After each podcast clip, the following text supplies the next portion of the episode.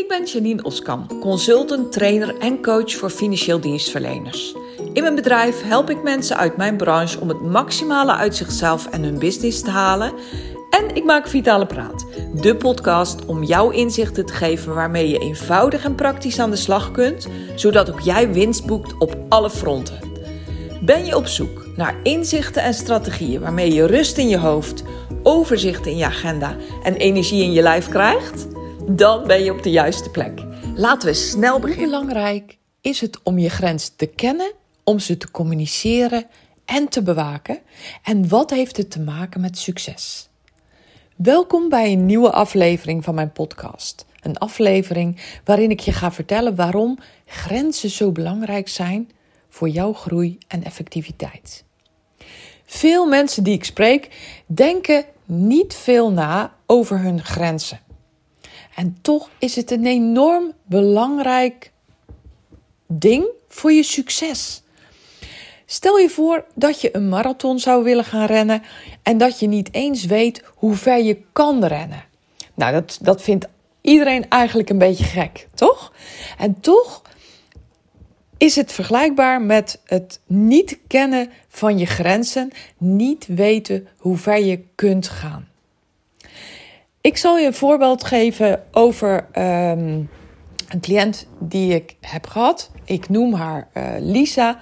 En Lisa is een hardwerkende financieel adviseur die altijd tot het uiterste gaat. Ze neemt elke taak aan, zegt nooit nee tegen vragen van anderen, van collega's, van klanten. En ze werkt vaak tot laat in de avond. Ze gelooft namelijk dat dit de enige manier is om succesvol te zijn. Ze heeft dat geleerd in het verleden. Ze heeft dat haar ouders zien doen. Um, ze heeft dat zelf altijd zo gedaan. Dus ze denkt echt dat het nodig is om altijd hard en lang te werken voor succes. Na verloop van tijd uh, raakt ze uitgeput, hè, zoals zoveel. En ze merkt dat het uh, haar geen goed doet. Sterker nog, dat haar productiviteit naar beneden gaat. Uh, dat ze steken laat vallen. Dat ze losse eindjes heeft. Dat ze achter de feiten aanloopt. Ga zo maar door. Ga zo maar verder. En zonder dat ze het zich heeft gerealiseerd, heeft ze haar grenzen ver en ver en ver overschreden. Ze is er ver en ver over gegaan. Nou, Lisa uh, heeft een collega collega, die noem ik Sarah. En Sarah had dezelfde valkuil als Lisa, werkte veel en veel te hard. En Sarah heeft een time-out genomen nadat ze uh, van haar arts te horen heeft gekregen dat dat even de beste optie is. Noem het een burn-out, noem het overwerkt, wat je wil. Ze heeft er zelf niet per se een naam aangehangen. Maar Sarah heeft besloten om op reis te gaan naar Bali, een maand lang, zonder haar gezin ook al een hele moedige stap. En ze is daar uh, als het ware ondergedoken in een uh, retreat, in een uh, klooster met monniken. En daar heeft ze enorm veel geleerd. Sarah heeft dat uiteraard ook gedeeld, of uiteraard, Sarah heeft dat gedeeld met Lisa. En die stond daar enorm van te kijken over wat ze allemaal te horen heeft gekregen. En nou, Sarah heeft Lisa verteld hoe ze uiteindelijk heeft geleerd om grenzen te stellen, om, om de balans terug te vinden. En ik heb eigenlijk een beetje een hekel aan het woord balans, want balans bestaat niet echt. Het leven bestaat uh, uit pieken en dalen. Maar goed, Sarah heeft verteld hoe ze heel veel daar heeft geleerd. En dat ze heeft ingezien dat grenzen stellen en nee zeggen niet egoïstisch is, maar juist het tegenovergestelde. Nou, Lisa is na gaan denken na het verhaal van Sarah en ze realiseert zich ja, dat ze eigenlijk nooit echt heeft nagedacht over haar eigen grenzen. En um, ze beseft dat ze altijd heeft geprobeerd om alles voor iedereen te doen, maar dat ze nu echt uitgeput is en dat het tijd wordt om krachtige keuzes te maken. En uh, die grenzen moet leren kennen en moet leren stellen. En zo ben ik in haar leven gekomen. Dat is het korte verhaal. Uh, Lisa kwam ook bij mij en ze zei: Janine, ik heb het nodig om uh, mijn grenzen te leren kennen, om, om te weten hoe ik, hoe ik die kan bewaken, hoe ik dat doe, maar ook überhaupt hoe ik ze kan stellen. Want hoe weet ik nu wat mijn grenzen zijn? Nou, voor deze podcast strekt het echt te ver om daar dieper op in te gaan, want dat is niet um, met één of twee regels uh, te vertellen. Dat is voor de een makkelijker dan voor de ander. In het geval van Lisa heeft dat echt nog wel even nodig gehad om echt ook die grenzen te leren kennen. Wat, wat zijn mijn grenzen? Waar liggen ze eigenlijk? En dan, uh, dan is het nog een stap verder om ze ook te leren bewaken. Maar daarover vertel ik ook verderop in deze podcast meer. In ieder geval was het Lisa al een heel krachtig besluit om voordat ze echt was omgekieperd, hè, een burn-out had gekregen of wat dan ook, om mij in te schakelen om echt die grenzen te leren kennen. Nou, ik denk dat je met dit verhaal ook aardig duidelijk hebt hoe belangrijk het is dat je die grenzen kent. En een ander ding wat veel mensen dan vervolgens vergeten, is om die grenzen ook te vertellen aan anderen.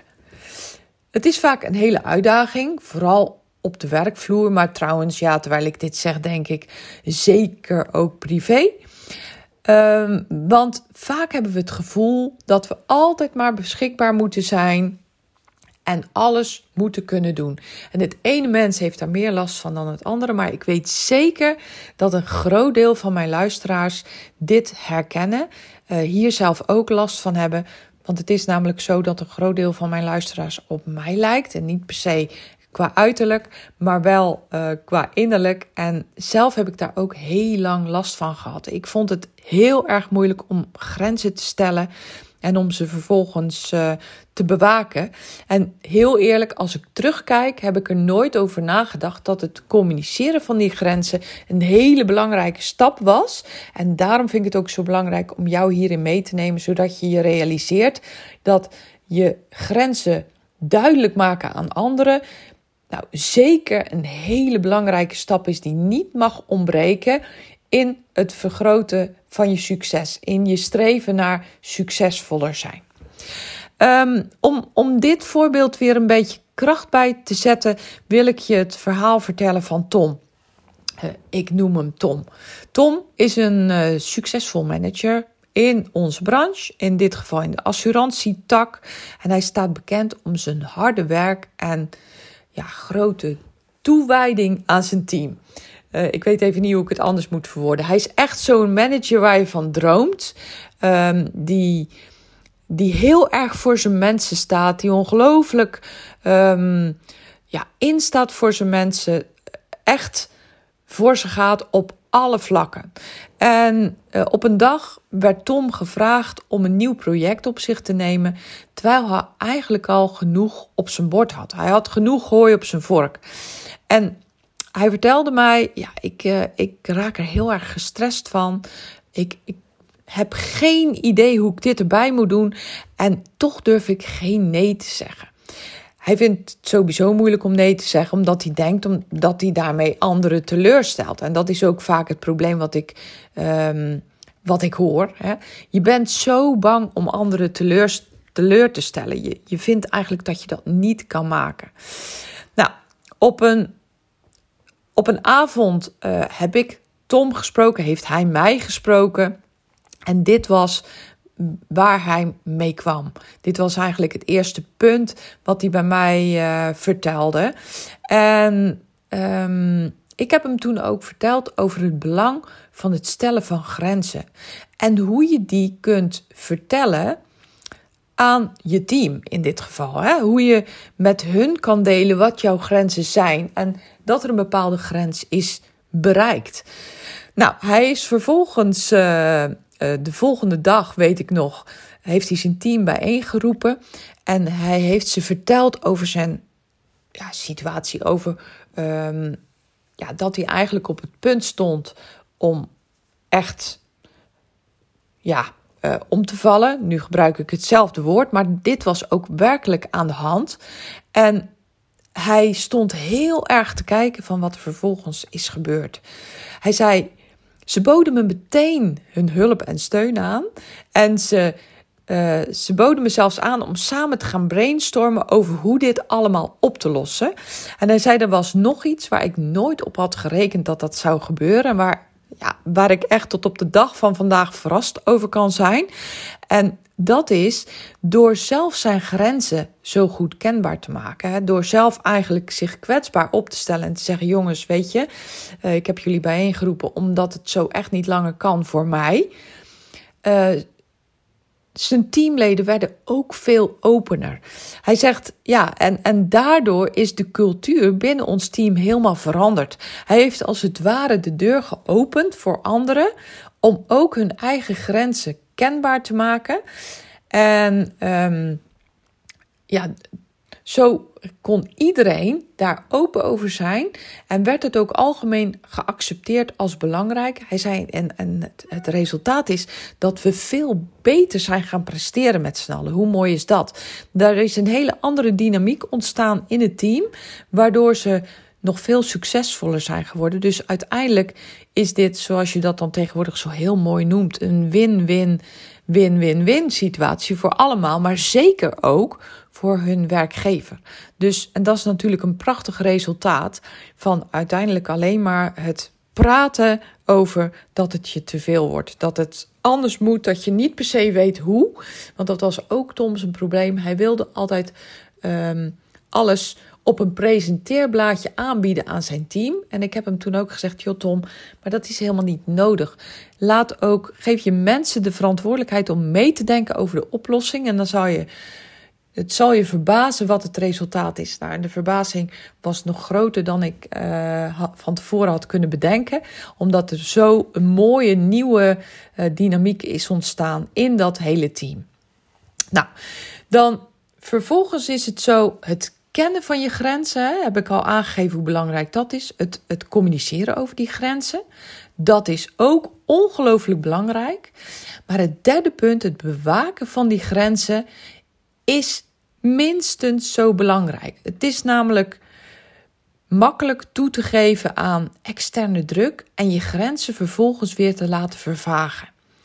Maar kom voor jezelf op en bewaak die grenzen om succesvoller te kunnen zijn, zeker op de lange termijn.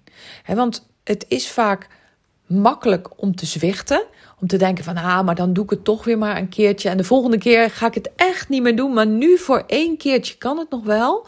Want ik vertel je, als je dat doet, vervaag je grenzen en ga er vervolgens weer met hetzelfde gemak eroverheen.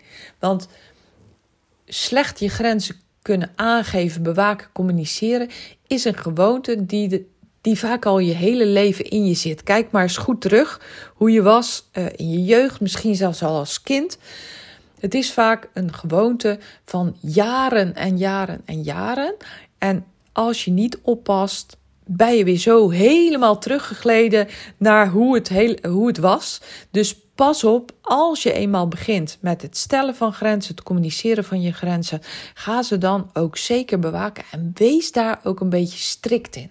Want doe je dat niet, dan heb je dus een hele grote kans dat je maar zo weer naar beneden glijdt op die glijbaan. En uh, voor je het weet, ben je weer beland waar je was. Dus pas daar goed op. Nou, Um, ik zal het even verder illustreren met het verhaal van Sarah, waar ik het e-, eerder over vertelde, de, de collega van Lisa. Uh, die de reis naar Bali heeft gemaakt. Hè. Na haar terugkeer um, ja, ging Sarah de lessen die ze had geleerd echt ook toepassen. Over het stellen van grenzen en ook over het bewaken van haar grenzen. En ze begon bijvoorbeeld regelmatig pauzes te nemen. Eh, ze stelde duidelijke werkuren in. Eerst en vooral voor zichzelf. En ze zei nee tegen extra taken die niet pasten in haar schema. Dus dat betekent niet dat je nooit meer ja kan zeggen.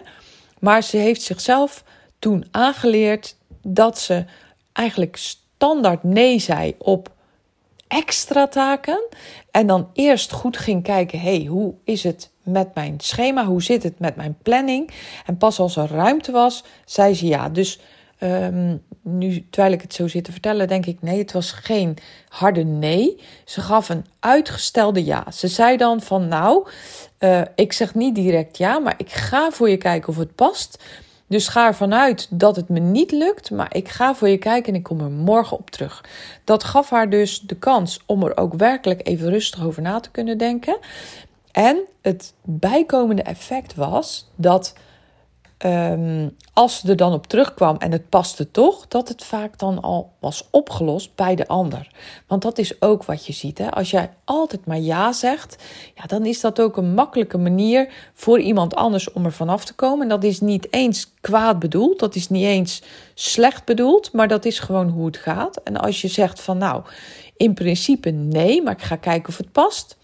Um, nou, dan gaat die ander op zoek naar andere mogelijkheden om het op te lossen. En nou, zeer regelmatig is het dan al opgelost als jij erop terugkomt. Uh, nou, Sarah die, die realiseerde zich ook dat het bewaken van grenzen niet altijd makkelijk is. Maar het is zo een belangrijke vaardigheid, die dus kan leiden tot echt groei, groeien en echt succes, zeker op de lange termijn.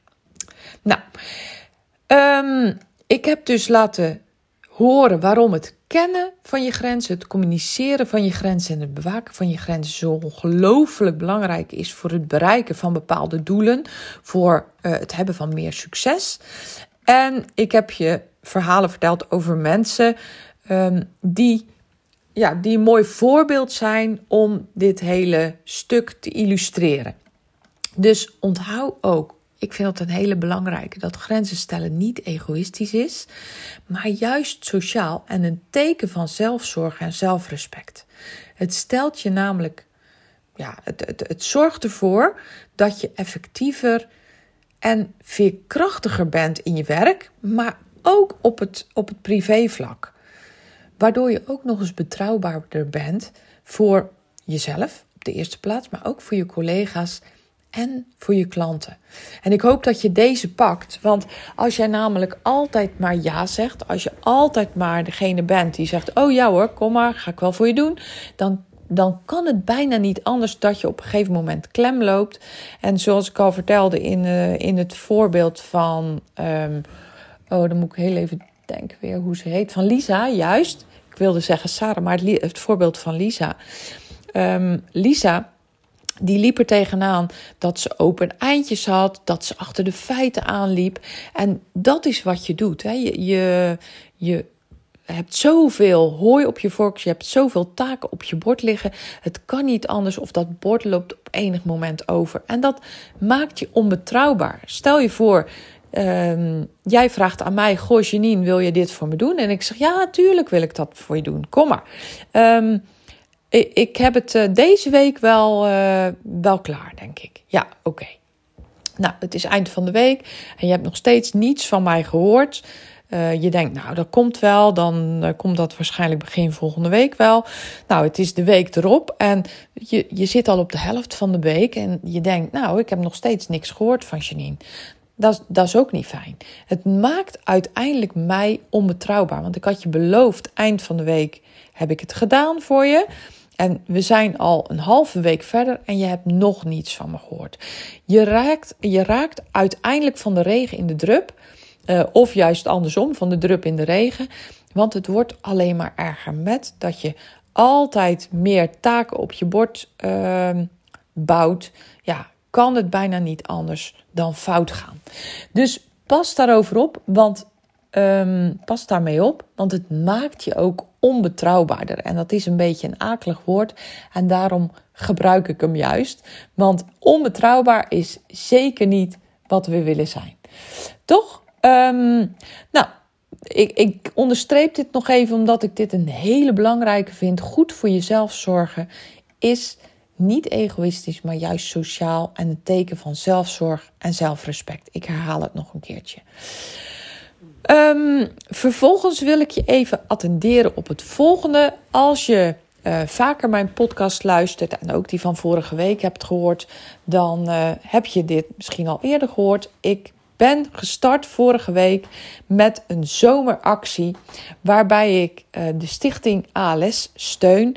en een aantal trainingen online en offline ga geven de komende maanden, waarbij de opbrengst uh, naar de stichting ALS gaat. ALS is een verwoestende degeneratieve ziekte die ongelooflijk veel levens ontwricht. Van de mensen die het treft, maar natuurlijk ook van de mensen die hen lief zijn. Hè? Uh, dus nou, het heeft een enorme indruk uh, op mij gemaakt en maakt sowieso altijd een enorme indruk op mij als ik mensen zie met een ongeneeslijke ziekte. Dan denk ik, man, het zal je maar overkomen. En bij ALS is het zo dat het uiteindelijk relatief weinig mensen treft, waardoor de farmacie er minder geld uh, in stopt om onderzoek naar te doen. Zo, zo is dat geregeld. En uh, nou, de stichting is dus afhankelijk van donaties en van mensen die ze financieel steunen. Ik wilde daar heel graag mijn steentje aan bijdragen en daarom heb ik uh, deze actie gestart. Steun ALS en boost je succes heb ik de actie genoemd. En uh, nou, ik vind het in ieder geval fantastisch om op deze manier te kunnen bijdragen. En mocht jij denken van hé, hey, dat is wat voor mij. Um, ik zal je even vertellen wat de training inhoudt. De training heeft alles te maken met het boosten van je succes. En in de training, ik geef hem dus online. Zes keer geef ik een online training. En twee keer geef ik de training op kantoor bij de Zeeuwse verzekeringen. Want dat is namelijk ook um, de, de partij waar ik ben aangehaakt met mijn actie. En um, de training gaat dus over het vergroten van je succes. En ik deel in de training een belangrijk stuk van het systeem wat mij en al vele anderen succesvol heeft gemaakt. En dat gaat vooral over het aanleren van bepaalde gewoontes, waardoor je effectiever en efficiënter kan werken, waardoor je meer doet in minder tijd en je dus succesvol uh, succesvoller kunt zijn. Nou, ik deel nog meer tips en tools met je. Um, die ook weer bijdragen aan je succes. Het, het worden ongelooflijk waardevolle trainingen.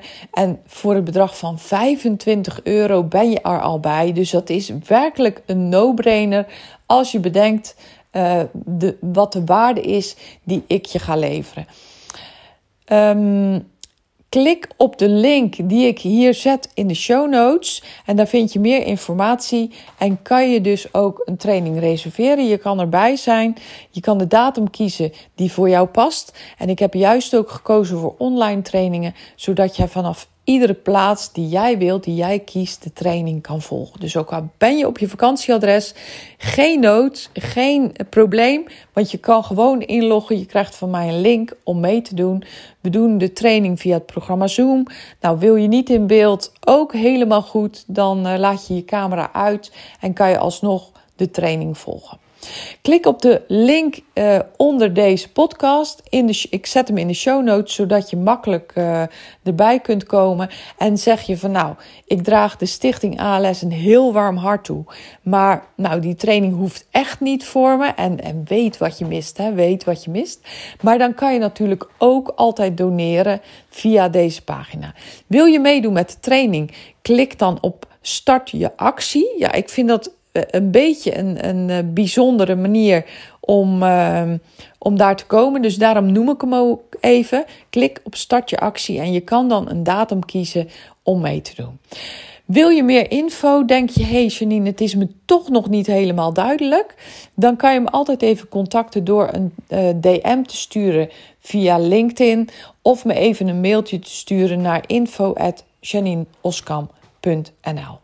Nou, ik wil je heel erg bedanken voor het luisteren naar deze podcast. Ik, ik kan je niet vertellen hoe ongelooflijk um, fijn ik het vind dat er wekelijks weer zoveel mensen luisteren. En uh, nou, dat wil ik toch ook een keer noemen. Dus dank voor het luisteren. Heel graag tot een volgende podcast. En voor nu, geniet van je dag. Doeg!